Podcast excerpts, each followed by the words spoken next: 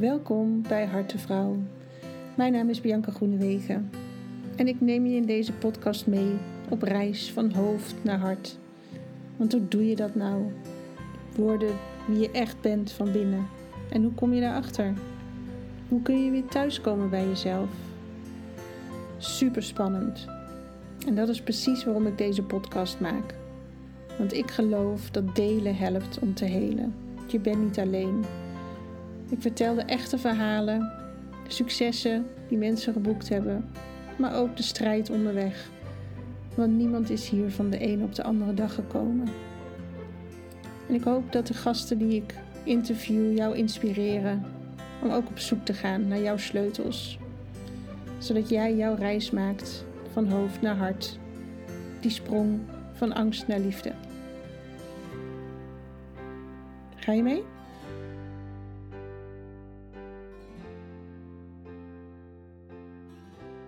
Vandaag zit ik met Christina Scholten. Ehm, zij is vier jaar geleden aangesloten bij Vivere, Your School of Life. Ja. Een heel nieuw onderwijssysteem eigenlijk aan het bouwen, omdat ze merkte dat het onderwijssysteem wat er is niet meer helemaal aansluit bij in ieder geval haar eigen kind. Laat ik het zo Ja, starten. Ja. Ehm, wij hebben samen een opleiding gedaan van Dream Child. En eh, delen hierin wel wat, wat eh, visie en ideeën hierover. En kregen laatst via Instagram volgens mij Ja, heel ja. even contact Ja. op een post van mij. En dat jij zei, maar wat denk je nou? dat het onderwijs gaat doen hiermee. Ja. En zo kwamen we eigenlijk op van wij moeten hier maar eens even een gesprek over gaan hebben. Want dat is eh, interessant. Dus welkom. Dankjewel. Ja, heel leuk dat je er bent. Ehm, jij bent gestart, of in ieder geval ingestapt in eh, Your School of Life, Viveren. Toekomstgericht onderwijs heet het. Ja. Hoe ben je daar terecht gekomen? Ja, dat is een mooie weg. We hebben drie kinderen. Ehm, en de jongste daarvan die, eh, is gestart in het echt hele standaard reguliere christelijke basisonderwijs. Daar heeft hij ehm, twee jaar gekleuterd. Toen zijn we overgestapt naar het, eh het schaapmanonderwijs. het eh, Die ken ik niet. Schaapman, dokter Schaapman. Het is een, ehm, ja, dat is een soort tussenvorm tussen het hele reguliere klassikale systeem en, en tussen, ehm, ja, hoe leg ik dat netjes uit? Het, het, eh, kinderen zitten daar bijvoorbeeld drie jaren bij elkaar, dus je hebt een onderbouw, middenbouw, bovenbouw. Ehm, het is allemaal wat, wat minder eh, gestructureerd als dat je in een reguliere systeem allemaal in rijtjes Mhm. aan tafel zit, zeg maar. Ja. Maar geen Montessori. Eh, nee, nee. maar geen nee. Dalton. Nee, daar- het hangt daar een beetje tussenin. Een vrije school. Nee. Dat is een beetje wat ik ken. Ja, zeg precies. Maar. Die Nee, vier nee. stromingen. Montessori sluit best redelijk aan. Dat zit redelijk dicht bij elkaar. Oké, Ja, dat dus nu heet dit Schaapman. Dat, dat is ook. eh, Oké. Ja? Daar heeft hij twee jaar gezeten. En uiteindelijk ehm, zat hij in groep 4. En liep hij zodanig vast in de zin van. eh, niet meer naar school willen, ehm, nog een uurtje per dag op school aanwezig kunnen zijn en daarna volledig overloaded zijn. eh, Oh. in een klas van, volgens mij toen de tijd, 2, 33 kinderen. Waar aardig wat kinderen tussen zaten die, eh, die wat extra bagage mee hadden. Eigenlijk veel meer begeleiding op moest. Maar één juf eh, dat moest redden in de klas. En dat had gewoon de weerslag op de groep. Ehm, maar ja, met als gevolg dat eh, de jongste van ons uiteindelijk eh, ja, daar gewoon uitviel. In groep 4 al. In groep 4 al. Dan ben ja. je acht. Ja, 7 was hij toen, ja. Joh, oké. Ja. En Ja. dan? Ja, en dan, dan zit je. Want Ja. je hebt natuurlijk eh, in principe gewoon een leerplicht. En, maar thuis heb je ook een kind die gewoon overloaded is en die ja, op geen enkele manier meer in beweging te krijgen is om uit vrije wil naar school te gaan. En wij zagen er weinig hel in om iedere ochtend over de schouder te hangen en te zeggen van instappen en ik eh, zet je bij Ja. de juf af en eh, moet, ik haal je vanmiddag weer op. Dat was ook absoluut niet de manier wat bij hem werkte. Hè. Ik snap dat je soms door bepaalde dingen heen moet, maar dat, dat ging bij hem, dat, dat, ja, dat was zo'n uiting dat het ventje eigenlijk een soort van overgespannen was. Ja. En als je dat op je zevende al bent, dan eh, is dat niet een prettig toekomstperspectief. Als je nog nou ja, minimaal elf jaar in het Ja. onderwijs mag begeven. En je herkende dat ook niet voor dat hij naar school moest. Dat hij zo overgespannen was. Nee. Nee. Nee. Het was altijd wel een heel gevoelig mannetje die echt op allerlei manieren eh, kon uiten dat, er, dat dingen gewoon heel heftig bij hem binnenkwamen. En dat bepaalde dingen gewoon echt eh, enorme impact maakten. Dus die signalen, hè, op die manier kenden we hem wel al.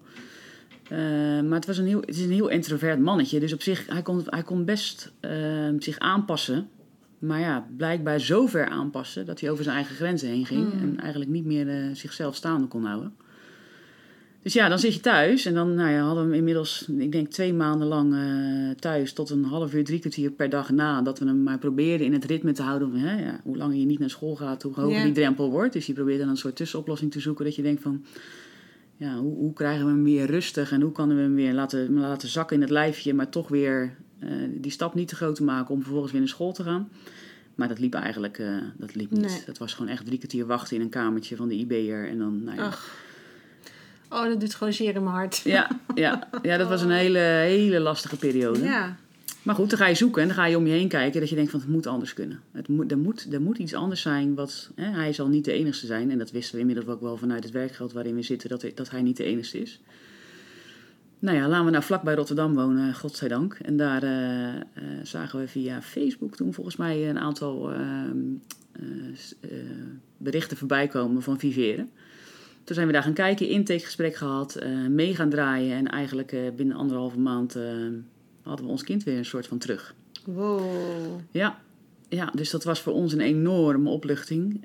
voor hem ook. Ja. Want hij, ja, hij kon los en hij kon weer op zijn eigen manier zichzelf weer een klein beetje leren kennen. En, en zijn eigen manier van onderwijzen ontdekken. En dat, ja, dat, dat heeft hem en ons, en ons het hele gezin, want inmiddels zitten alle drie de kinderen daar, ehm, ja, enorme opluchtingen gegeven. Ja. Ja. Wauw. En, en wat is er dan zo anders? Want het klinkt als dat schaapmanonderwijs ook al anders is dan de school waarin wij Ja. zijn opgegroeid. Nu tenminste ik, laat ik Ja. het bij mezelf houden. Ik ben gewoon op een standaard katholieke basisschool. Ja. Hup, eh, eh, bureautjes 2 en 2 of 3 en 3. Juist. En eh, de slimmere kinderen in de klas moesten de jongeren leren lezen en schrijven. Nou, gewoon hup, mee in het gareel, zeg maar. Dus, Kijk, weet je, het is, het is een heel. Er zijn enorme grote verschillen. Als je bij op het onderwijs waar we, hè, waar we ons nu hard van maken, en waar hij nu is en waar zijn zussen ook zijn. ehm, het is een bepaalde manier van onderwijs die uitgaat vanuit de intrinsieke motivatie van een kind. Dus niet van we gaan nu eh, dit en over een uur dat en je moet eh, som 1 tot en met 3 maken. En daarna kijkt de juf het na en dan krijg je of een eh, rode krul of een sticker. Of je krijgt de opmerking kijk er nog eens naar, hè, zoals het bij Ja. ons vroeger ging. Hier moet je je voorstellen, je komt een gebouw binnen waar leefruimtes zijn. Is geen klassen, geen, geen rijen tafeltjes, geen dingen. Je, je hebt een soort basisgroep waarin je je bevindt. En daar start je de dag in een soort ochtendkring waarin, waarin je met elkaar bespreekt van nou, hoe is het met je, hoe zit je erbij, wat ga je vandaag doen, wat zijn je plannen. Ehm, je werkt met een soort portfolio waarin je voor jezelf eh, vastlegt van nou, hier wil ik naartoe werken. Eh, komende zes weken, ik noem een zijstraat, wil ik graag ehm, leren lezen of wil ik ehm, eh, een, een hut leren bouwen op een, op een goede manier. Of wil ik, eh, nou ja, noem het wat je kan bedenken, dat kan je daarin zetten. En uiteindelijk maak je daar een plan op. Ehm, en ga je daarmee aan de slag. En, en ja, dat is natuurlijk een wezenlijk verschil. Als dat je iedere dag Ja. eh, boek op tafel, laat je open ja. en eh, zitten en gaan. En kan een kind van acht zijn eigen planning maken? Kan hij dat overzien? Nou, kijk, het ligt natuurlijk aan een beetje. Hij stroomde natuurlijk in toen hij zeven was, volgens mij. Ja, was zeven toen hij instroomde. Natuurlijk heeft hij die eerste jaren dat nooit geleerd. Hè? Dus hij zat in een Nee. regulier systeem waar hij gewoon om half negen de klas in moest. En om half tien rekenen begon. En om half elf eh, de pauze was wanneer je je hapje en je drankje mocht nemen. Nou ja, ga zo maar door. En hij komt natuurlijk in zo'n systeem, dus hij moest zich in het begin best aanpassen. Maar ook daar is tijd en ruimte voor. Weet je, je hoeft niet gelijk vanaf dag één eh, binnen te komen en eh, te voldoen Oh. aan de hele rit. Maar neem nou eerst eens je tijd. Ga maar eens landen, Ja. ga maar eens kijken. Wat, Ja. Ga je maar eens vervelen. Ja, En ga dan maar eens kijken wat er bij jou gebeurt. Want als je je verveelt, ja, en dan? Ja. Tegenwoordig kunnen we ons niet zo makkelijk meer vervelen. nee, nee, precies. Maar juist wanneer we in die verveling komen en wanneer we gaan kijken van hé, hey, ja, wat. Dan pas gaan je Ja. luikjes open en ga je om je Ja. heen kijken dat je denkt van oh, Ja. nou die is met wat leuks bezig, daar sluit ik me bij aan. Of nou, hij had geloof ik als eerste doel dat hij sushi wilde leren maken. Dan zou je denken sushi leren maken. Ja. Nou, hij vond het geweldig. Nou prima, hij is met eh, de, eh, de kok van school is hij aan de slag gegaan, heeft hij een plan gemaakt. Zijn ze boodschappen gaan doen, zijn ze sushi gaan leren maken. Hebben ze het daarna gezellig met z'n allen op school opgegeten en eh, nou ja, zijn leerdoel was geslaagd. Hij voelde zich helemaal top. Ja, En, en zo ga je stapje voor stapje. En natuurlijk leer je dat niet vanaf dag één, maar daar zijn natuurlijk fases in. Hè? Dus het zelfsturende leren wat, eh, wat we daar aanbieden. dat, dat, je bent natuurlijk niet direct zelf gestuurd. Dus daar moet je Nee, nee, naartoe nee. groeien. Maar het kan dus wel met die Zeker, leeftijd. ja. zeker, zeker. Ja. En zeker kinderen die al vanaf vier binnenkomen, dus eigenlijk nog niet weten geprogrammeerd zijn via het Ja. reguliere systeem. Ja. Het zijn prachtige dingen die je daar ziet.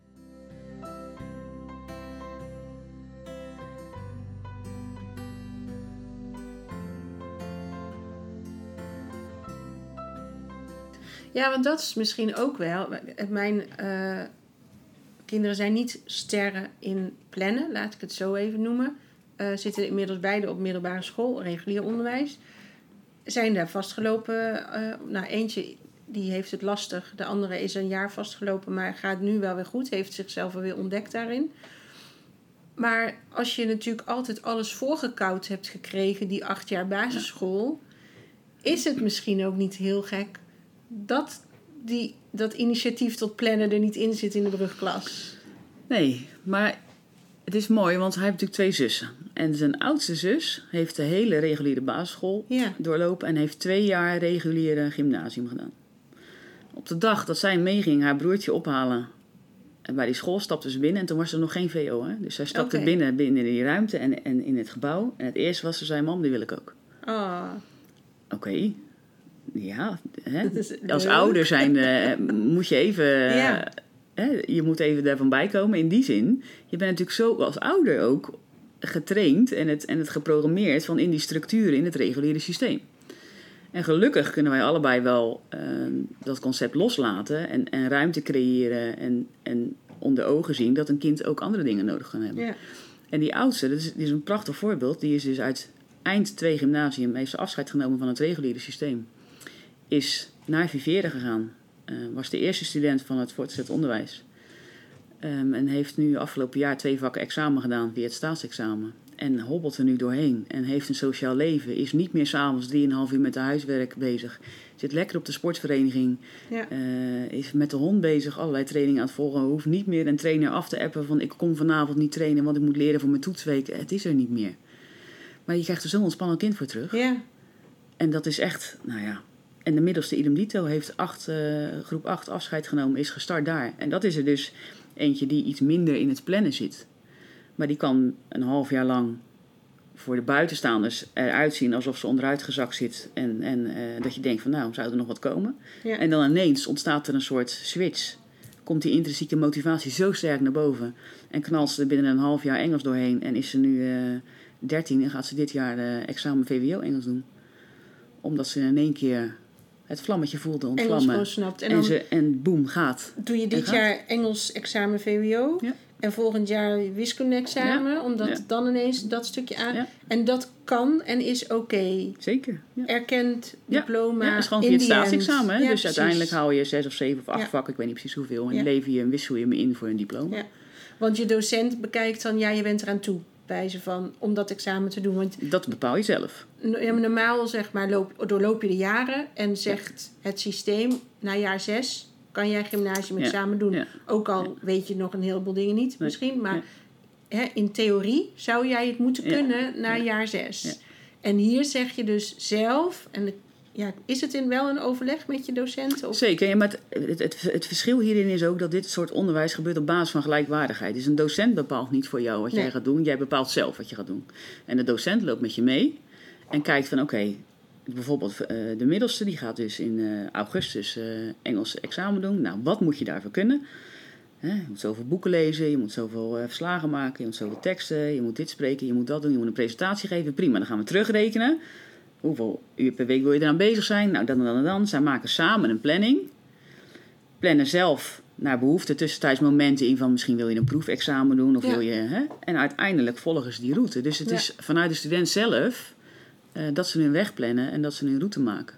En natuurlijk kijkt er iemand in mee, want hè, als je Ja, daar precies. eventjes een, eh, iemand hebt die meekijkt en die zegt van nou, ik zou hier nog even op letten of daar kijken. Dus dat meer is als altijd een handig. route aanwijzing Ja, van, hey, Een dit soort zijn de navigatiesysteem. voorwaarden. Ja. Ja. Ja, ja. En kan het in theorie, dit is voor mij heel nieuw en ik merk dat ik dus enorm moet afwijken van dat wat ik ken. Mhm. Ehm, kan het zijn dat ik één jaar Engels doe, volledig, bewijs van.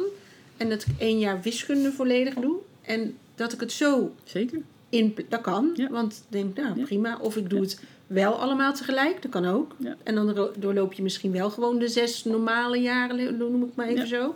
Ja. Ik denk niet dat dat een normale curve is van iemand. Want de ene moment heb, zit je helemaal in een geschiedenisstuk wat gewoon super interessant is. Ja. Dus ja, Kijk, weet je wat er met het reguliere systeem is? Je stapt in leerjaar 1 een trein in en die trein gaat rijden. ja, En je moet blijven zitten. ja, Want stap je tussentijds uit, dan ontstaat er een probleem. Ja. En die trein stopt bij leerjaar 4, 5 of 6. En je mag uitstappen en je mag je bij het loket melden en je mag examen doen. Ja. Die trein die gaat, die blijft rijden. Ongeacht hoe jij je voelt, hoe je je ontwikkelt, wat er op dat moment met je gebeurt. Ik bedoel, een puber, ik weet het Nou, niet. dat- maar dat is een periode echt. waar gigantisch veel in het lichaam gebeurt. Ja. En er zijn gewoon periodes dat je minder scherp bent, of dat je focus op andere dingen ligt, of dat je bezig bent met je vriendengroep, of dat je bezig bent met sport, of dat je, dat je gewoon even bezig bent met helemaal niks en gewoon lekker onder die deken wil liggen en even eh, daar je focus op wil hebben. Dus zit je op dat moment in zo'n trein die door blijft hobbelen, dan ga je op een gegeven moment vastlopen. Dus je gaat op een Ja. gegeven moment signalen geven van help. Hè? Mijn systeem is er gewoon nog niet klaar voor. Maar ik moet mee, want en, en hoe, hoe meer ik het gevoel krijg, ik moet mee, hoe harder dat systeem gaat protesteren van Ja. oh, oh. Dus daar, daar komt gewoon een intern conflict. En die trein, die, die trein die blijft wel doorchasen en, en hè, nou ja, Ja. eh, op naar het station. Maar houdt geen rekening mee met de passagiers die af en toe in en uit wil stappen. En Nee. in dit systeem ben jij zelf de machinist. Jij bepaalt wanneer die trein stopt. En jij bepaalt wanneer je instapt. En misschien stapt er een medestudent met je in. En trek je samen een paar stationnetjes op. En uiteindelijk bepaal jij wanneer dat eindstation in zicht komt. ja, En dat is natuurlijk... Ik denk dat het nodig is voor de toekomst. Kijk, het onderwijssysteem hoe het nu is... is nou ja, bijna zo georganiseerd dat alles gaat vanuit controle. Mhm. We moeten alles maar toetsen en we moeten alles maar Mhm. we moeten scoren en we, en we moeten resultaten halen en, en hè, hop, hop, hop en door en door en door. ja, Maar waar houden we nog bezig met een intrinsieke motivatie? Waar houden we ons nog bezig met wat er op dit, dat moment in je systeem gebeurt? Wij moeten de toekomst in, hè? We moeten Ja. uiteindelijk dadelijk, de generatie die nu van school komt, mag dadelijk deze maatschappij weer op gaan bouwen. Een maatschappij waar we een energiecrisis hebben, waar we een coronacrisis hebben, waar we een financiële crisis hebben. Nou, noem het op hoeveel crisissen we niet hebben. De wereld staat een soort van in brand. Ja. En die generatie die nu van school komt, die moet het straks gaan doen. ja.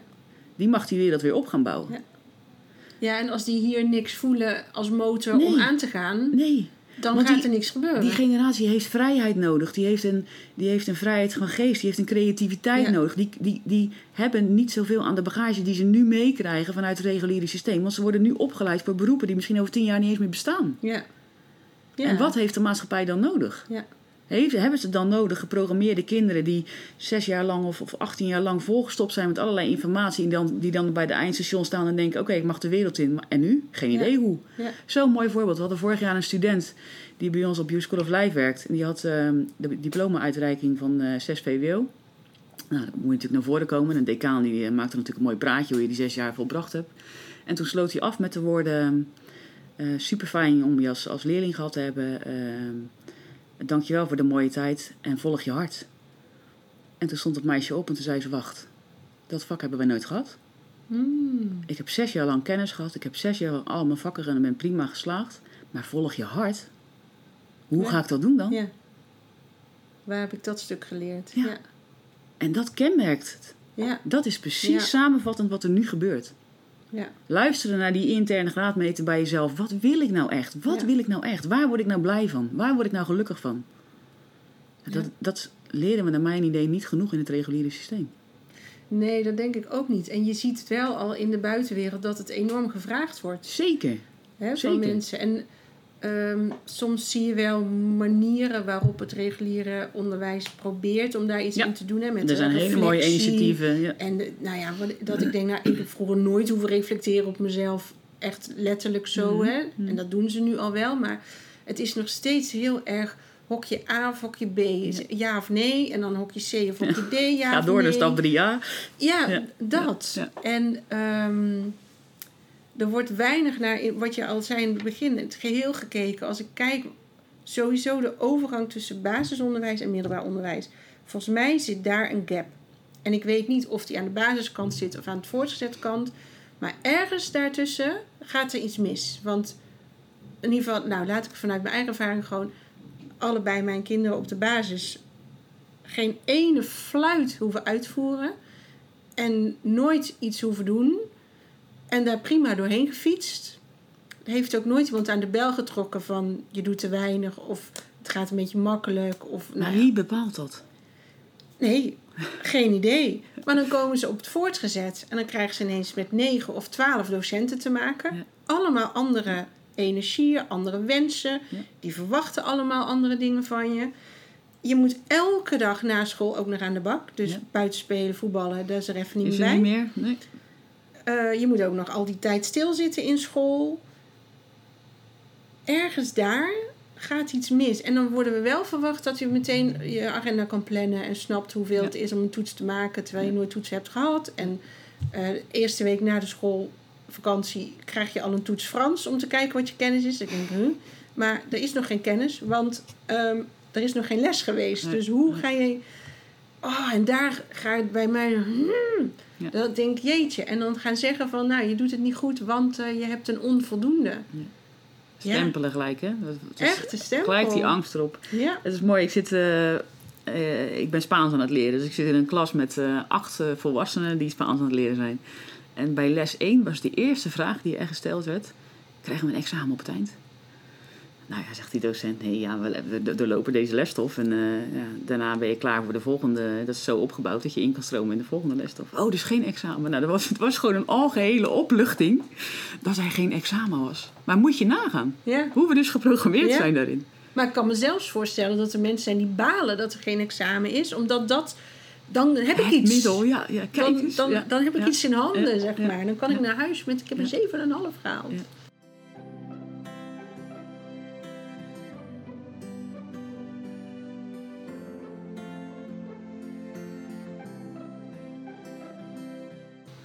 Ja. En als je nagaat, ik zat toevallig van de week te lezen. 60% van de Nederlanders werkzaam en eh, eh, de werkende Nederlanders werkt op een job waar ze niet eens voor zijn opgeleid.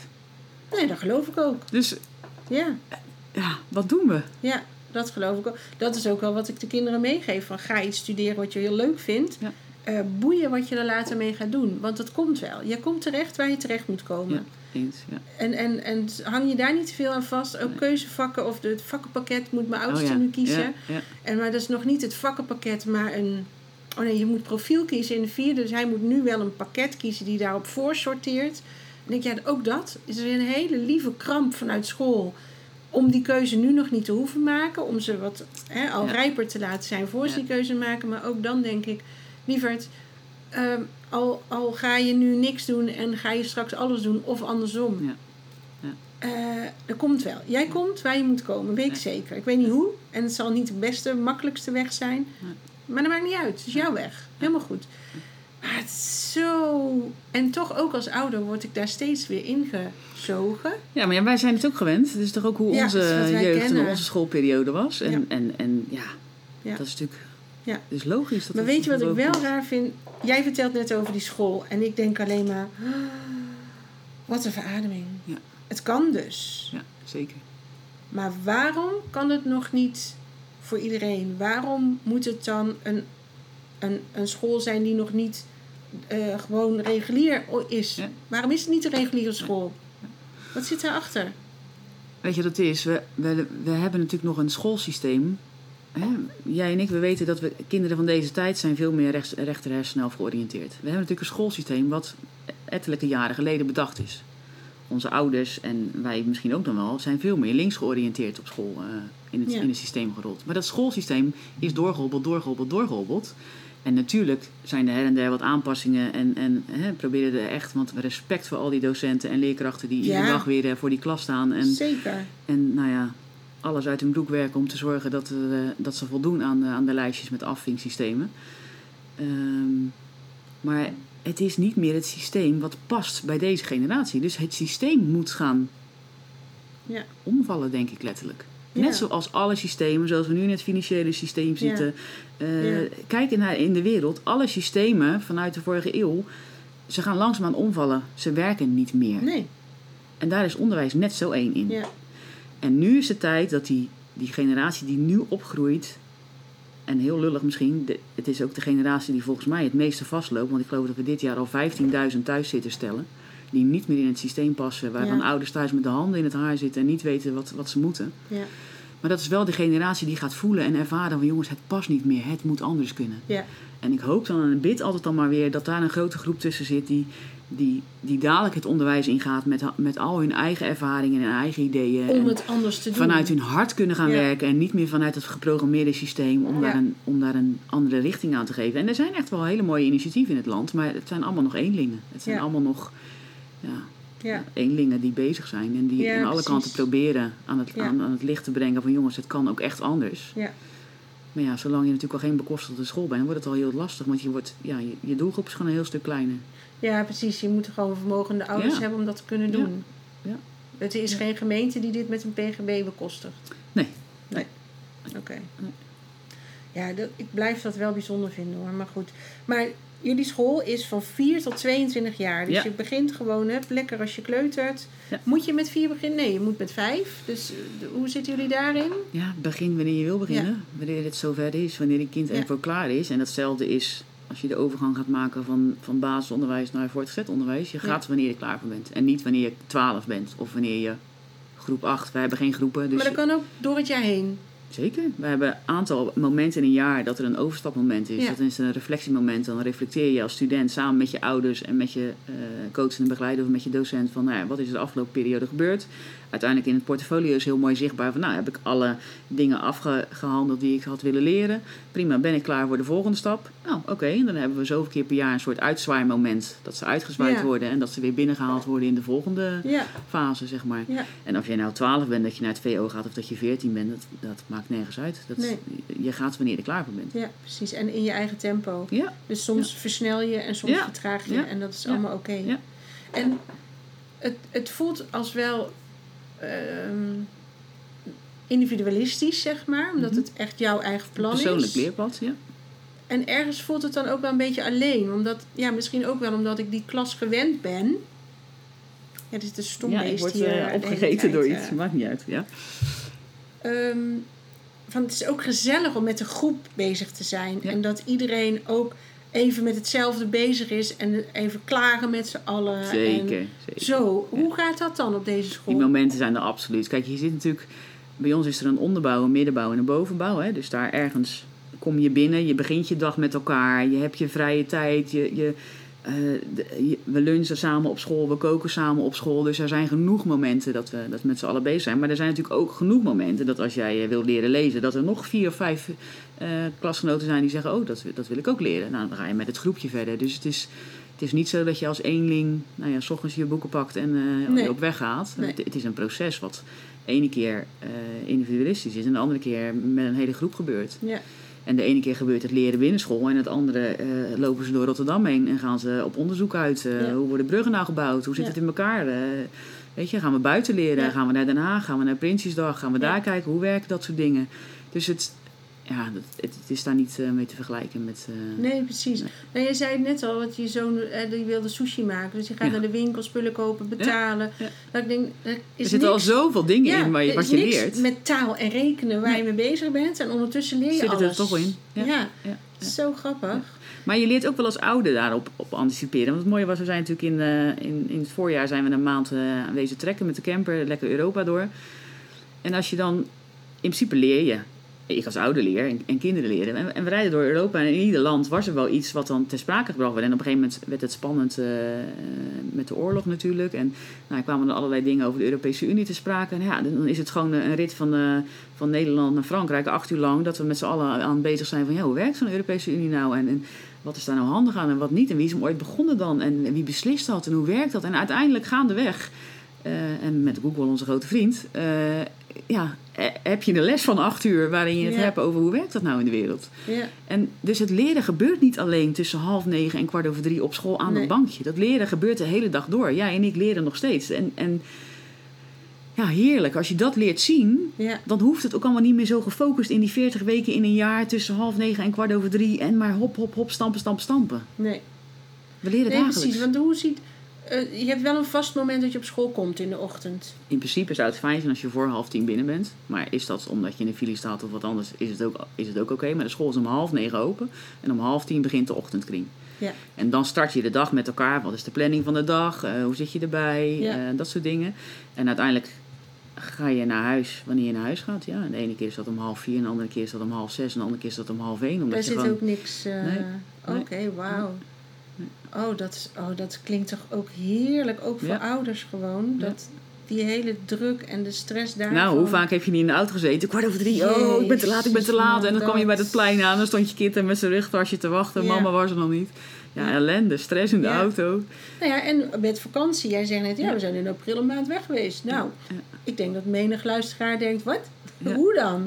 Maar omdat je dus niet een bekostigd onderwijsvorm bent, Ja. mag je dit helemaal inkleden. Ja. Je moet Ja. 50 weken per jaar open zijn, wat zei je? 51 weken per jaar zijn we open. Ja, En in principe eh, heb je natuurlijk eh, in het reguliere systeem 40 schoolweken en 12 weken vakantie. Maar in principe, ja, je plant het zelf in. Maar die 12 weken vakantie, als je het zelf dus in mag plannen. Het leuke is dat je er dan best nog moeite voor moet doen om die 12 weken te gebruiken. 12 weken is echt Ja. veel, hè? Ja, Ja. absoluut. Dat is Ja. echt heel veel. Ja. En net aan het begin, voordat we gingen opnemen, zeiden we al van... Niemand heeft zes weken vrij nodig. Als Nee. jij af en toe tussendoor gewoon vrij kan moet je nemen. eens kijken wat er stress ontstaat in gezinnen in zomervakanties. Zeker. Een ouder maar. kan geen zes weken vrij nemen. Nou, dan moeten we het van opa's en oma's hebben. Hè? Nou ja, als je gezegend bent dat je die in je omgeving hebt, dan heb je mazzel. Maar nou ja, er- ontstaan natuurlijk allerlei situaties waarin mensen aan het eind van die zomervakantie eh, nou ja, bijna proosten op het moment dat scholen weer gaan dat- beginnen. Ik ben blij dat ze weer naar school Ja, gaan. ja. hè? Dat is best wel gek. En dan hebben we natuurlijk in Nederland ook nog wel eens zomers dat het eh, niet zes weken lang eh, mooi weer is. Hè? Zeker. Dus dat we ons best moeten doen om Ja. nou, nog een beetje uitdaging te houden Ja. binnenshuis.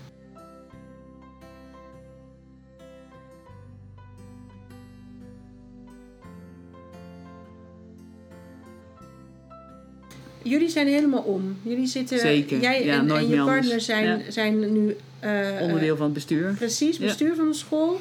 En alle drie jullie kinderen zitten daar. Wat is er veranderd? Binnen ons gezin. Ja, Ontzettend veel.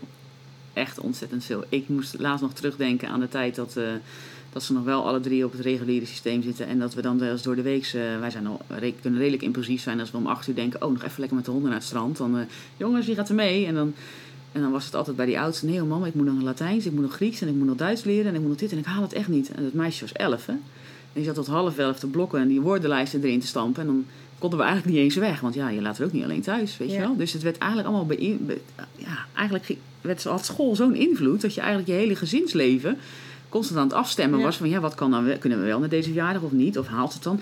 Of ja, weet je, je was daar constant mee bezig. Ja. En die vrijheid die je op een gegeven moment voelt... wanneer ze zelf... Het moet allemaal niet meer. nee.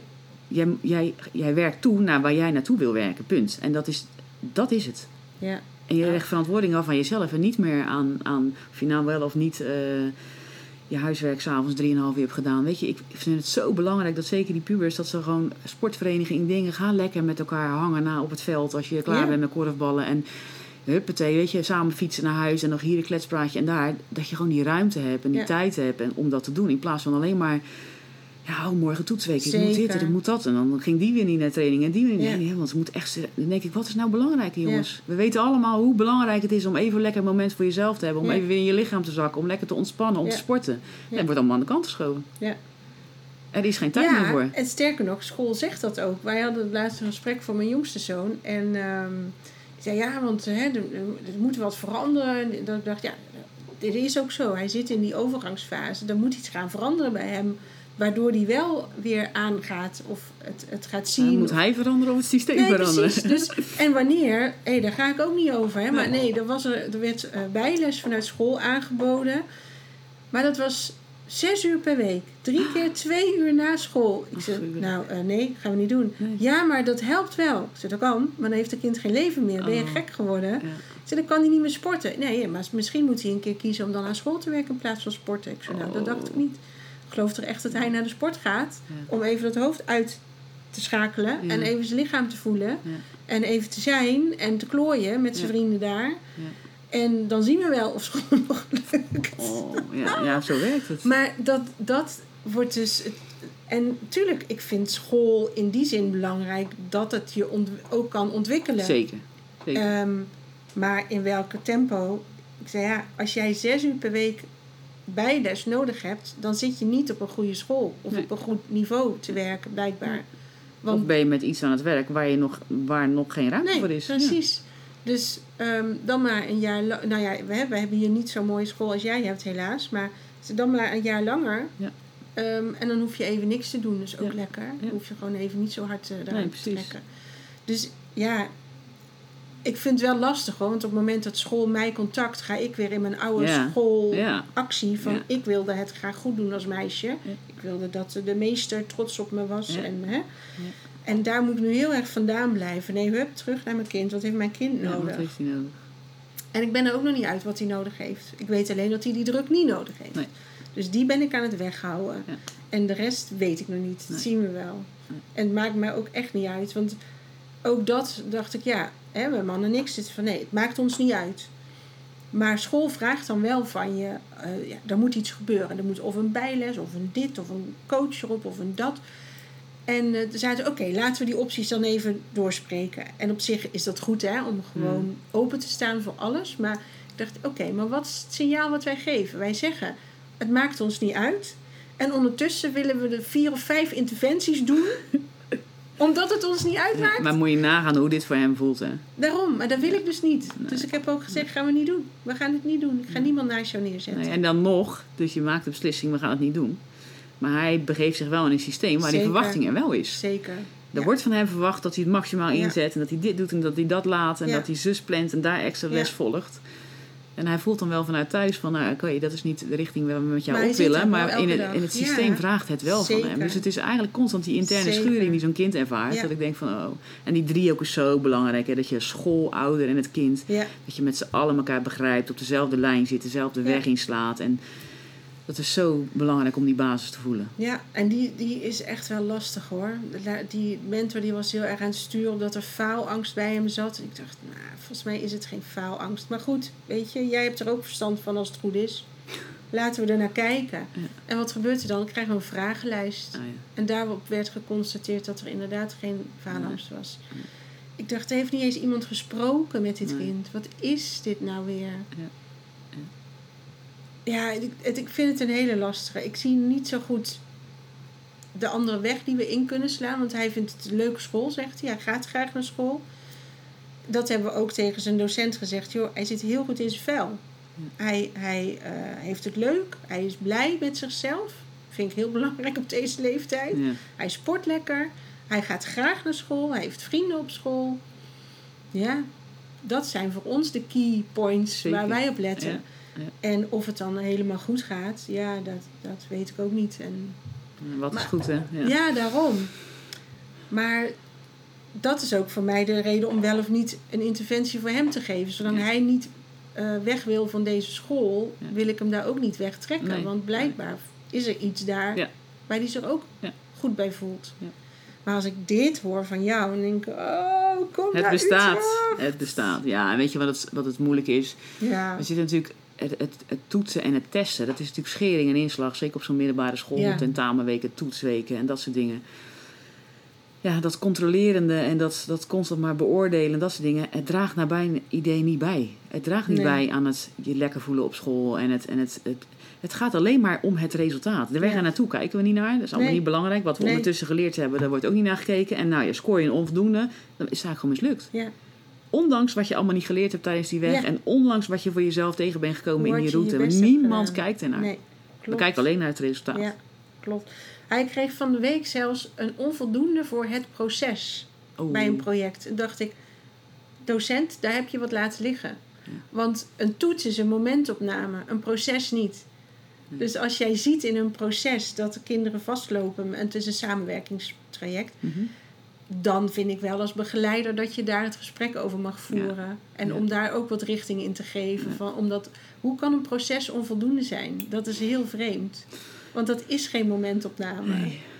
Dus ik dacht echt, oh, oké, Bianca, hou je mond. Ga niet bellen naar school. Dat is niet goed En voor wat doet dat hem. met hem dan, als je dat dan leest of hoort? Hij is heel moeilijk. Hij laat zich niet zo makkelijk lezen daarin. Hij vindt het heel vervelend. Hij had één onvoldoende terug waar hij echt hard voor geleerd had. Dus dat Ja. was echt verdrietig voor hem. Ja. En ja, ik zei, ja, hij had daarvoor nog een ergere onvoldoende. Dus ik zei, liever, je bent omhoog. Ja. Dat is de weg ja. waar je naartoe moet werken. Dus het is nog maar een stapje omhoog. Dan moet je volgende keer moet je nog een beetje omhoog. Wil je eruit komen, zeg maar. Maar ja, het valt zo tegen. En daar is weinig oog voor Ja. bij die docent. Want het is niet leuk voor iemand om een vier terug te krijgen Nee. in de klas. Dat is echt niet fijn. Nee. En zelfs dus dat ik zei, vraag je toets terug. En dan krijg je de antwoorden. Ik zeg, maar ik kan niks met antwoorden. Ik heb de vraag nodig. Want dan kunnen we kijken, wat heb je begrepen en wat heb je nog niet begrepen. En dat mag dan niet. En denk van, wat willen we dan dat jij hiervan leert? Wat wil die school van jou? Maar het is zo lastig, omdat ik hem ook niet wil, te veel wil beïnvloeden met mijn mening. Ja. Die ik daar duidelijk over heb. Nee, ja, en daar ben je niet de enige in. Maar dit is, Nee. dit- ik denk dat heel veel mensen hier tegenaan lopen. En Ja. heel veel mensen voelen zo van, dit, dit past niet meer, dit is niet meer.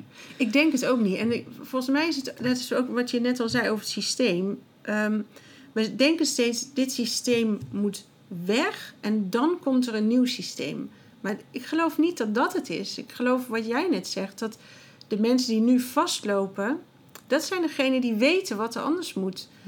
Als die in het onderwijs gaan werken, in dit systeem onderwijs, Ja. dan gaan er dingen kantelen. Ja. Want het is niet zo dat je het afkapt op 31 Nee. december en dat op 1 januari we het op een nieuwe manier gaan doen. Zo nee, er is een transitie nodig. En, en daar heb je een... Hè, ik, ik las laatst een, um, een mooi boek van Jan Rotmans die daar heel eh, dieper op ingaat. En die transitie is zo... Het is inderdaad niet een periode waarvan je zegt... nou, we sluiten nu de deur en de volgende deur gaat open... en we maken een nieuwe beginbalans en we gaan weer verder. Nee, het is een transitie van een systeem. En in zo'n transitie heb je gewoon mensen nodig... ja, die op de barricade gaan staan en die Ja. gaan zeggen van jongens, dit werkt niet meer. Ja. Hoe werkt het dan wel? Hoe gaan, hoe gaan we die richting geven? En uiteindelijk, als daar een, een, een sterke, stevige meerderheid is, dan volgt de rest vanzelf weer. ja, Dus, maar ja, dat moment zitten we denk ik nu wel in. ja. Zo voelt het Dat, wel. dat denk ik ook. Maar als ik kijk naar eh, de actie vanuit de politiek, zie ik hem niet. Nee, maar ja. Merk jij dat wel? Want jij zit natuurlijk veel dichter erbij, hè? Vanuit jullie Ja. eh, Nee. instelling. Nee, nee. Daar kan ik heel duidelijk over zijn.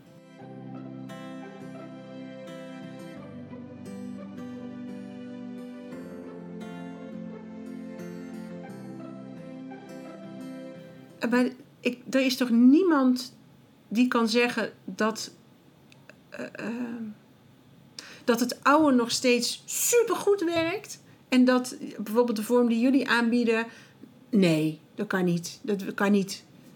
Terwijl Nee. je ziet aan alles dat het wel Iedereen kan. voelt het ook. Ik had, Ja. Een paar weken geleden had ik een, eh, een middag met een aantal docenten van groep 3 tot en met 7 in het, in het, gewoon het reguliere onderwijs. En die mocht ik gewoon eens een middag lekker van alles vragen en doen. Van neem me nou eens mee. Hoe ziet jullie starten weer uit na de vakantie? Hoe voelt het? Wat gebeurt er nou in zo'n groep? En nou ja, serieus, ze waren drie weken van start. Het was woensdagmiddag. Ik had de docenten aan tafel zitten. Die waren al een soort van uitgeblust. Ja, En ik ging er met ze over in gesprek van wat gebeurt er nou? Hè? Wat maakt nou dat, het, dat, het, dat jouw dag zo Ja, zwaar voelt? ja. Dat je na een ochtend hier al aan tafel zit. En, eh, ja, maar weet je wat we allemaal moeten doen? Weet Ja. je wat voor lijstjes en wat voor... Wat Ja. voor dat hangt allemaal boven hun Ja. hoofd, hè? Zo zwaar van ze zei ook, en ze zeggen we hebben constante interne strijd. Want er staat er bijvoorbeeld voor een bepaalde methode, dan zou je er een uur moeten geven. Ze zegt maar dat uur kunnen we niet geven, want dan komen we in de knel met alle andere vakken. Ze zegt dus dat uur moeten we inkorten naar drie kwartier. Ze zegt maar dan heb ik alweer het gevoel, zou ik het nou wel goed uitgelegd hebben? Zou ik nou wel voldoende aandacht eraan besteed hebben? Oh, ik moet gauw door naar het volgende vak. Dus ze, zij zijn constant, zij, zij lopen met de tong op de hielen, omdat ze heel de dag door aan het Ja. jagen zijn, aan het jagen Ja. zijn, om al maar die, die dingen er doorheen te jassen. En dat vergt zoveel energie. Het- niet voor niks is het ziekteverzuim met onderwijs zo hoog. Zo hoog, ja. En het zijn gewoon jonge docenten, hè? Gewoon, gewoon die midden in het leven staan, zelf met een jong gezin. En gewoon vol gas, vol energie, s ochtends die klas binnengaan. Maar die zoveel moeten leveren. Ja. Dat is bizar. Ja, het is echt bizar. En Ja. uiteindelijk kwam zelfs de opmerking... Ja, we moeten er ons gewoon bij neerleggen. Onderwijs is nou gewoon helemaal niet leuk. Ja. Dat is natuurlijk een hele rare conclusie om te trekken. Dat is toch afschuwelijk? Ja. Als je met die overtuiging in een klas Ja. staat. Ik heb ook een aantal juffen in mijn eh, eh, klantengroep, zeg maar, zitten. En daar heb ik ook wel eens daarover het gesprek van... Ja, nee, want ja, de kinderboekenweek komt eraan. Ja. En huh, huh, huh. ik zeg, en wat huh, huh, huh? Wat is dan precies het huh, huh, huh? Ja, er moet van alles voor gebeuren. Dus ik zeg maar, het feit als jij gewoon 's ochtends op het schoolplein roept... Het is kinderboekenweek! Ja. Dan is iedereen super blij. Ja. En dan ga je als juf die week even wat extra voorlezen, bij wijze van. Ja. Dus dat kan ook, hè.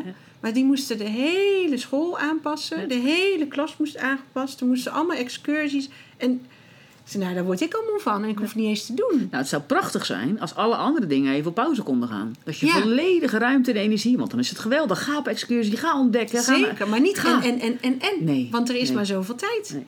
Maar moet je eens kijken als er een CITO-week komt. Oh joh, verschrikkelijk. Maar alleen al, ik moet mijn lessen voorbereiden. Ik zeg maar, hoe lang ben jij docent? Ja, 20 jaar. Wat moet je voorbereiden? Of kan je dit gewoon? Oh ja. Dus het is ook dat ze met elkaar een, een, een manier van werken hebben afgesproken die heel verzwarend werkt. Terwijl nu stapt zij de klas in en checkt ze bij zichzelf. Hoe is het met mij en waar geef ik vandaag energie aan? En dan kan ze veel beter er voor die kinderen zijn. En dat onderwijs komt wel, want ze is al twintig jaar docent. Ja, Dus ja. hoezo weet zij niet wat ze met rekenen of taal of Ja. geschiedenis of wat dan ook moet doen? Dat kan ze allemaal. Dat zit er gewoon. Dus het, voor haar is het nu veel minder. In het begin dacht ze, ik doe echt maar op 60% ben ik nu aan het werken. Dat kan ik niet doen. Ik zeg, maar jouw 60 is denk ik voor gewoon een persoon gewoon 95%. Want je kan dit gewoon allemaal. Het zit in jou. Jij bent, je ademt dit helemaal. En daarvan dacht ik ook, man, als je dat met elkaar allemaal gaat doen. Van ja, nee, ik moet vanmiddag dit nog doen, want eh, Ja. ik ga het zo voorbereiden hoor. Ik ga het op die manier doen. En wat sneuvelt er als eerst op het lijstje van vakken? De creatieve vakken. creatieve vakken. Altijd. alle- ja. De, wat ik aan, aan knutselwerk van de laatste vier jaren van de kinderen op school heb, dat, nou, bijna niks eigenlijk. Ja. Tekeningen, nihil. Ja. Ja. Echt zo zonde. Dat heb ik ook tegen mijn oudste zoon gezegd. Zeg, maakt me niet uit wat voor vakkenpakket je kiest, maar kies kunst. Hou die erbij als, als keuzevak, want dat heb je nodig. Gym en kunst, dat is het belangrijkste. Ja, het is heel bijzonder. eh, een, een bijzondere tijd. En ik denk dat er een hoop zichtbaar wordt. En ook wel via kinderen. Hè? Want onderschat niet Ja, hoeveel, hoeveel kinderen er echt hele sterke signalen afgeven. Mhm. Hoeveel kinderen er niet buiten de boot vallen. En die, die dan weer net niet passen in een, in, een, in een clusteronderwijs. Maar ook niet meer passen in het reguliere onderwijs. Dan denk ik, jongens, het is niet voor niks. Het kind past niet meer. Het onderwijs past niet meer Nee, bij het kind. We moeten het omdraaien. ja, het voegt gewoon niet meer. Nee. Nee, het barst uit. En het is denk ik door dat steeds die regeltjes die de docenten ervaren, als dat allemaal te krampachtig gaat worden, Ja. dat is het einde van het systeem. Want dan blijkt dus dat er nog meer regels nodig zijn om het te laten Ja. werken. En daarna zijn er nog meer regels om dat te controleren. Ja. En dan- alles gebaseerd vanuit angst. Allemaal. En dat is nou niet wat we nodig hebben in de toekomst. Nee, helemaal niet. Welke angst is dat? Controleverlies? Ja. Controle op? ja, op het leven. Ja, maar dat is een illusie natuurlijk. Ja. Want dat hebben we niet. Nee. Ja, oh ja. God. En, en, en wat, wat denk jij is nou een manier, behalve dat we hè, de, de mensen die nu vastlopen eigenlijk zouden willen uitnodigen om juist in het onderwijs te gaan werken? Ja. Wat is nog een andere manier om, om er een zwengel, aan te zwengelen, zeg maar? Om het, Ik denk dat er al heel veel gebeurt. Ik denk dat er al heel veel zichtbaar wordt. Alleen dat het ehm, vanuit het controlesysteem nog niet de aandacht op komt. nee. Hè, er zijn echt al tal van initiatieven die, die op allerlei manieren proberen om daar, om daar beweging in te krijgen. Ook binnen reguliere schoolsystemen zijn er hele stromingen die zich echt daar hard voor maken. Echt docenten die opstaan en die zeggen van jongens, hè, je moet vernieuwing in, dit past niet meer. Dus er gebeurt echt wel al een hele hoop. Maar nog niet genoeg naar mijn idee. nee Zolang er nog steeds niet. kinderen thuis zitten en zolang er nog steeds kinderen eh, overloaded uit school komen Ja. en, en vastlopen en dat soort dingen, eh, gebeurt het niet genoeg. Nee. Ja, en dat zijn dan ook nog de extreme cases, hè, Ja. die, die durven Ja. uitvallen, laat ik het zo maar even zeggen. Alle aangepaste mensen die daar zo goed in zijn geworden, hebben we dan nog niet meegenomen. Maar die lopen later weer er tegenaan. In hun volwassen leven. Die gaan dat nooit kunnen trekken. Al die maskers die ze op hebben moeten zetten. Nee. 15.000 hè, zei je. 15.000 zitten er thuis. Dat is echt En dat zijn dan alleen veel. kinderen die drie maanden en langer thuis zitten. Dus we hebben nog niet de kinderen die eh, een maand of anderhalve maand uitvallen Ja. en dan weer even gaan en dan weer uitvallen. Ja, of weer naar een nieuwe Ja, school. ja. En Of van school hoppen, inderdaad. Wat, ja, wat dat ook doet hè, Ja. met een kind aan veiligheid en, en wat je kan opbouwen. Ja. Oeh. Ja, de toekomst heeft wat anders nodig dan dat we nu aan het, eh, aan het creëren Ja. zijn. Ja, dat denk ik ook. Ja. Ja, ik, ik zit... Ik vind dit heerlijk klinken. Dit zou bij mij heel fijn passen. Ik zit eventjes te voelen van hoe... Mijn jongste, die weet ik nog, gingen we op de tweede, moesten we een basisschool uitzoeken. Oh ja, ja, ja, ja. Is lekker zo op tijd. Ja. En toen kwamen we op de vrije school terecht. Ja. Eh, omdat ik het ook graag anders wilde. Ja. Maar die waren heel wazig in hun verhaal, vond ik in ieder geval in- op dat moment. En daar kwam ook, ja, eh, mochten we geen, hoe heette de dingen, eh, lunchboxjes met eh, teletubbies of iets erop mee naar school. En dat ik dacht, ja, sorry.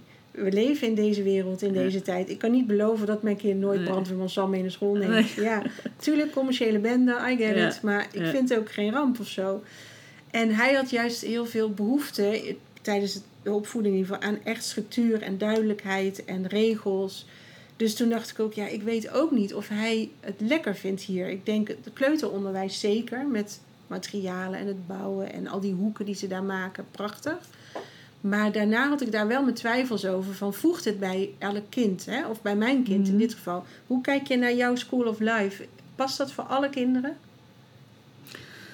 Ja, je maakt het natuurlijk Het past bij alle kinderen, maar of het bij alle ouders past, is de vraag. Dat sowieso. Je ziet al aan mij hoeveel moeite ik heb om uit dat oude patroon te komen. Als je als ouder niet kan loslaten en als je een, een nieuw- niet vernieuwend kan denken, dan, heb je, Ja. dan heeft uiteindelijk het kind ook een probleem. Ja, precies. Dus ik denk dat ieder kind past, maar ik denk niet dat iedere ouder past. Nee. En dus ook kinderen die een hele vaste structuur nodig hebben. Ja, want het wil niet zeggen dat er geen structuur is. Als jij behoefte hebt aan structuur, dan, dan maak je structuur of dan, dan maken we samen structuur. Dan zit dat in je En planning. Dat is er zeker. Ja. Het is geen losgeslagen bende waar iedereen binnenkomt en eh, kijk maar en doe maar en weet ik het. Nee. het is, het is wel degelijk een structuur. Eigenlijk is het heel Alleen- gestructureerd, maar op de Ja. persoon. Op de persoon naar wat jij nodig hebt. Ja. En jouw structuur hoeft mijn structuur niet te zijn. Precies. En En dat loslaten is al heel Ja. interessant. zeker. En hoe, hoe doen docenten dit? Want heb jij een docent geschiedenis? Nee, we werken in, de, in het eh, basisonderwijs met, eh, met docenten die dus gewoon Ja. opgeleid eh, basisonderwijs. Dus die geven alle vakken. We hebben daar ook wel vakdocenten. Dus ook wel echt van die, van die, nou ja, van die diehards die helemaal wezenloos zijn van rekenen. En dat helemaal leven en ademen. En nou ja, die, Ook leuk. Helemaal tof. En, Ja. en dat is dan echt een vakdocent. Op het VO werken we alleen maar met vakdocenten. En dat zijn dan inderdaad gewoon eh, opgeleide Dus je hebt gewoon een leraren. docent geschiedenis Ja. rondlopen. Ja, en die die komt dan heeft- zoveel uur per week. Of als, er een, eh, iemand zegt, ik wil graag Chinees leren, dan gaan we op zoek naar een docent Chinees die zoveel uur per week komt. Of als, eh, ja, noem het. Joh. Dus het is, het is een in- en uitlopen van allerlei verschillende die gewoon eventjes binnenkomen. Ja. eh, met zo'n groep aan de slag gaan Ja. en daarna weer vertrekken. ja, en ook hun dag ziet er anders uit. Zeker. Hè, wat, wat je normaal hebt, Ja. iedereen staat voor zijn klas. En om tien uur is er even Ja. pauze. En eh, dan weer in de klas. En dan heb je lunchpauze Nee, in ja. de docentenkamer. Dat gaat niet zo, denk ik, bij jullie. Nee, nee. Ze hebben één basisruimte waar ze 's morgens allemaal binnenkomen. En je moet je voorstellen, een basisruimte is gewoon net als hier. Lekker met een bankstel en met een tafel. En er staat een computer in de hoek. En er staat een lekkere kan met eh, vers water en eh, wat fruit. En je komt binnen, je ploft neer als pubertje. En nou, je gaat lekker zitten. Hoe was jouw ochtend? Ja, eh. nou, je gaat, wat heb jij dadelijk? Is er Nederlands? Oh ja, er is Nederlands. Nou, oké, ja, oh ja, dan wilde ik nog even wat vragen. Ik sluit me even aan, want ik had nog een vraag over die en die les. Nou, in de volgende ruimte zit de Nederlandse docent. Nou ja, je pakt je spullen op, je gaat daar naar binnen, je stelt je vragen, je zorgt dat je weer vooruit kan. En misschien maak je een uur vol of misschien anderhalf uur, geen idee. Maar wanneer je weer verder kan, kan je weer verder. Je wenst een fijne Ja. dag en je gaat weer terug naar je basisruimte. Je Ja. pakt lekker wat te drinken, je klets nog eens met elkaar. Oh, wat hebben we vandaag nog meer? Oh, er komt nog een kunstdocent vanmiddag. Ah, wil ik nog even, wil toch nog voorbereiden op dat stukje. Nou, je haakt aan weer aan. Of misschien zeg je van, nou ja, ik heb vanmiddag geen lessen meer gepland staan. Nou, ik denk toch dat ik thuis even verder gaat werken hoor. Want Ja. ik even lekker, gewoon lekker op mijn bed zitten en eh, doen. Nou ja, helemaal prima, weet je. Dus En ja. dus ook die eigen verantwoordelijkheid nemen. Absoluut. Van hé, vanmiddag is mijn kunstdocent er. Dus Ja. als ik wat wil vragen, Ja. moet ik daar naartoe. Ja. Ja. Ja, en- dat zelfgestuurde leren, het is constant de, eh, de balans zoeken tussen vrijheid en verantwoordelijkheid. Ja. Van wat wil ik nou naartoe? En als je dat maar in het oog houdt, dan kan je voor jezelf heel goed afwegen van wat is hier nu nodig? Heb ik, kan ik hier nu vrijheid in nemen of kan ik hier nu gewoon even lekker hè, eh, Ja. Hangen of weet ik wat? Of heb ik hier nog even wat te doen, want ik heb dat en dat en dat nog op de planning staan. En als je daar zo jong al mee leert omgaan, is het toch top voor de rest van je leven? Ja.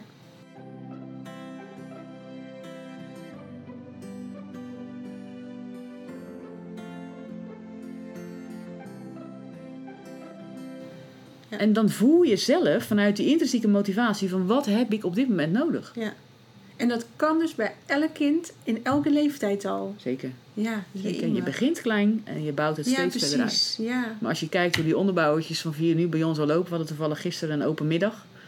En het is prachtig, want dat wordt dan georganiseerd door, de, door studenten ook. En dan lopen ze met zo'n badge op en hebben ze allemaal hun eigen taken. Hè. Dus een groepje was eh, brownies gaan bakken in de keuken. En een ander groepje was bezig met rondleidingen geven. En een ander groepje ging vragen beantwoorden. En dan lopen die kleine koters van vijf keurig netjes eh, met, met, met twee volwassen ouders die gewoon kwamen kijken. Gingen ze een rondleiding geven. En prachtig hoe ze dat dan vertellen en Ja. hoe ze het doen. En wat ze op een dag doen. En hoe het dan bij ons op school werkt. En dat we met de consentmethode werken. En dat we... Ja, het is geweldig. Fantastisch. Ja, Oh, dus hoe echt. kleiner ze daarmee beginnen, Ja. hoe heerlijker joh. Ja. Dat is toch prachtig? ja. En docenten bij jullie, wat zeggen die daarvan? Want voor hun is dat ook een hele andere wereld dan hoe zij Ja. zijn geschoold. Kijk, 9 van de 10 docenten die bij ons werken hebben ervaring in het reguliere onderwijs en hebben ook ervaren dat dat niet, het systeem ook niet bij hun past. Nee, precies. Maar wel die enorme, dat brandende verlangen om in dat onderwijs aanwezig te kunnen zijn Ja. en om daar hun bijdrage te kunnen Ja. leveren. Nou, dan is het natuurlijk een prachtige vorm en je ziet het ook.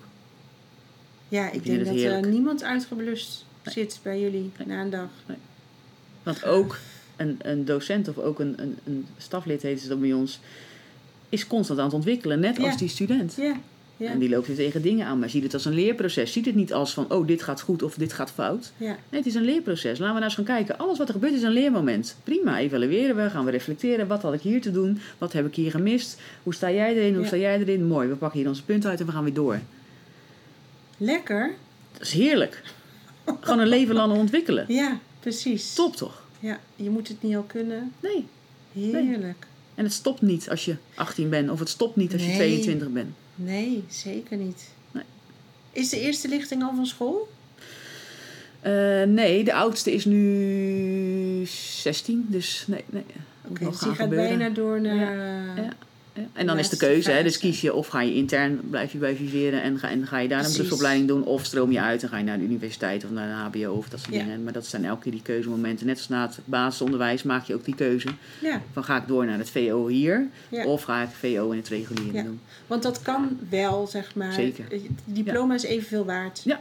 Ja. Alles, ja. En dat moet alleen als je uitstroomt vanuit het, hè, zal maar even zeggen, het groep 8 en je gaat door naar het reguliere onderwijs, dan moet je natuurlijk wel een, een IEP-toets maken om, Ja. om een niveau-inschatting te maken. Ja. Maar daar dat komen we dan als ouder en school en student overeen van willen we dat? Ja, dat Ja. willen we. Oké, nou dan maken we een soort meetmoment en dan maken we een IEP-toets en dan met dat advies kunnen ze dan weer verder. Ja, precies. Maar in principe wordt er ook niet getoetst, wordt er geen, geen overhoringen of Nee. dat soort dingen. Dat is het is allemaal gewoon niet. helemaal anders. Het is allemaal niet.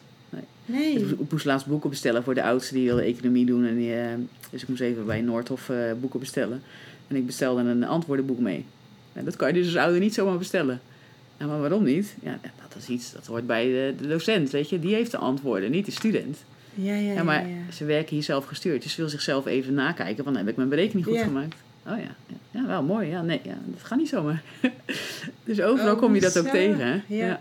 Ja, ze zijn er gewoon nog echt niet Nee. op ingesteld. Nee. En hoe is het dan voor hun om een examen te doen als ze nooit getoetst zijn? Dat is best gek dan. Ja, dat was heel spannend. Zij is natuurlijk eh, afgelopen jaar voor het eerst. Het was sowieso al spannend, omdat zij, eh, ze is 15 en ging VWO-examen doen. Dan zit je dus tussen een, een groep jongeren van 18 tot 22 jaar. Ja. Dus dan ben je sowieso al een beetje het vreemde eentje Ja. in de buiten. Dus ze kreeg ook eh, menigmaal de vraag gesteld van, wat doe jij nou hier? En eh, je bent nog maar 15 en eh, hoe zit dat nou? Maar eigenlijk moet ik zeggen, hoe ze zich door. Je, moet met staats- staatsexamens zijn wel grotere examens als het reguliere examen, zeg maar. Omdat je al die tentamens en al die toetsmomenten daarvoor niet hebt, is je staatsexamen Oh. wel anders ingericht. Maar eigenlijk moet ik zeggen, ze heeft zich helemaal heerlijk voorbereid. Natuurlijk zenuwachtig op de dag dat het zover was, maar prima volbracht. En uiteindelijk bij het eindgesprek dikke complimenten. Zo van, nou, geweldig hoe je je doorheen hebt gezet. Echt geweldig. En, eh, en dat voor de 15-jarige. En, en dat al zo op een zelfgestuurde manier ontwikkeld heeft. En hier gewoon met een mooie voldoende mee slaagt. Ja. Top. Dus ja, en de eerste keer was het spannend. En dit jaar heeft ze zoiets van, nee, ik ga dit jaar weer drie vakken doen. Dus nou ja. En de zusje gaan nou mee. Dus eh, ze gaan nou met z'n tweeën. Dus we hebben nu een soort van bondgenootschap. eh. Jeetje, wat ja, leuk. ja. Oh, wauw. Ja. Wat mooi. Ja. En ehm, ik weet een aantal particuliere scholen wat echt niet door iedereen gedragen kan worden, maar zelfs niet door mensen met goede banen en eh, prima inkomen, zeg maar. Hoe zit dat bij jullie? Het mazzel is, wij hebben natuurlijk ook een BSO. Dus het is bij ons echt een IKC. Dus we zijn open van half negen tot half zes. En daartussen ben je altijd welkom. Dus een gedeelte van de opvangkosten zijn BSO-kosten. En die Ah. vallen weer onder de kot kinderopvangtoeslag. Ja, Dus een ouder krijgt een, een, een redelijk groot gedeelte van de, van de, van de kosten krijgt hij terug. en Waardoor het, het dus draaglijker wordt. Dus we hebben op dit moment nog steeds alle lagen van de, van de bevolking eh, Oh, als fijn. ouders. Ja. Ja. Ja. fijn. En bij de middelbare? Middelbare niet, hè? dus vanaf het, ehm, het jaar dat je kind 14 wordt, heb je geen recht meer op kinderopvangtoeslag. Eh, maar daar is het schoolgeld ook aangepast, dus daar Oké. worden ook andere tarieven Ja. gerekend. Oké, Ja. mooi.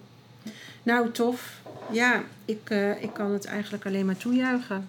Ja, Ik, ja, ik meen serieus. Ik, als dit hier in de buurt zou zijn, dan Ja. zou het echt wel een serieuze optie voor me zijn. Ook gewoon om van de, dat gedoe af te zijn. Ja. Wat ik het nu soms vind. Wel, mijn kinderen hebben het leuk op school, gelukkig. Daar ben ik heel blij om. Ja. Maar ik zie zoveel dingen die ik graag anders voor ze zou willen. Maar ik kan het ze nu niet bieden. Nee. Dat is ook wel jammer, ja. Pijnlijk ook wel hè, als ouder zijn. Ja, ergens wel. je kind anders gunt, maar dat Ja. je niet voelt dat de mogelijkheden of de ruimte ervoor is. Ja, ja. Maar goed, ik denk dan ook, dit is ook hun pad. Ja. En misschien dat zij ook hierdoor wel een verandering gaan teweeg brengen. Omdat Ja. ze merken, nou, ik had het wel graag anders gewild. Ja. Dus dat kan ook weer mooi zijn voor hun toekomst misschien. Zeker. eh. Zeker. heb je nog een laatste uitsmijter? Een laatste uitsmijter. Ik ben niet zo goed in uitsmijters. Ehm, wat ik nog wel een mooie vond, eh, die ik las in een boek, en die ik misschien wel even wil citeren uit een boek van Jan Rotmans. Een transformatie kan alleen maar slagen met intrinsiek gemotiveerde mensen, die hun angst overwinnen en hun innerlijk kompas volgen. Oh, ik krijg helemaal kippenvel bij die hun angst overwinnen. En ik Daar denk dat we hem. daar heel veel werk te doen hebben, Ja. die angst overwinnen Ja. en op zoek naar onze innerlijke kompas. Ja. En ik denk als we kinderen daarin Ja. Leren, Als ik nou die ouders hun innerlijke kompas ga laten vinden... ja, dan kunnen er meer ouders ja zeggen tegen dit Ja. soort onderwijs. Ja. Dan kunnen we zo Nederland lekker eh, versterken hierin. Want Zeker. wat je zegt, het is voor de, voor de toekomst eh, is het gewoon nodig. Ja.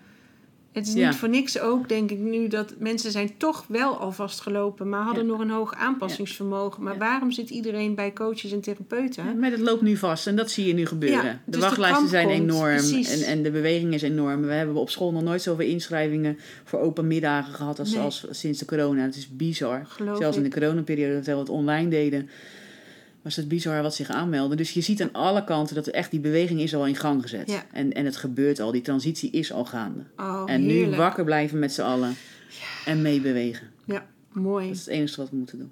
Dankjewel. Ja, jij bedankt. Mooi.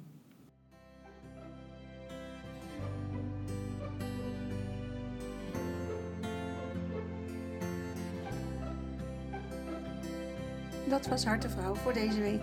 Fijn dat je erbij was. Abonneer je op deze podcast, dan mis je geen enkele aflevering meer. Je kunt me ook volgen op Facebook of Instagram. Zoek dan op Bianca Groenewegen Coach. Dan kom je vanzelf bij mij uit. En ben je klaar om zelf op avontuur te gaan?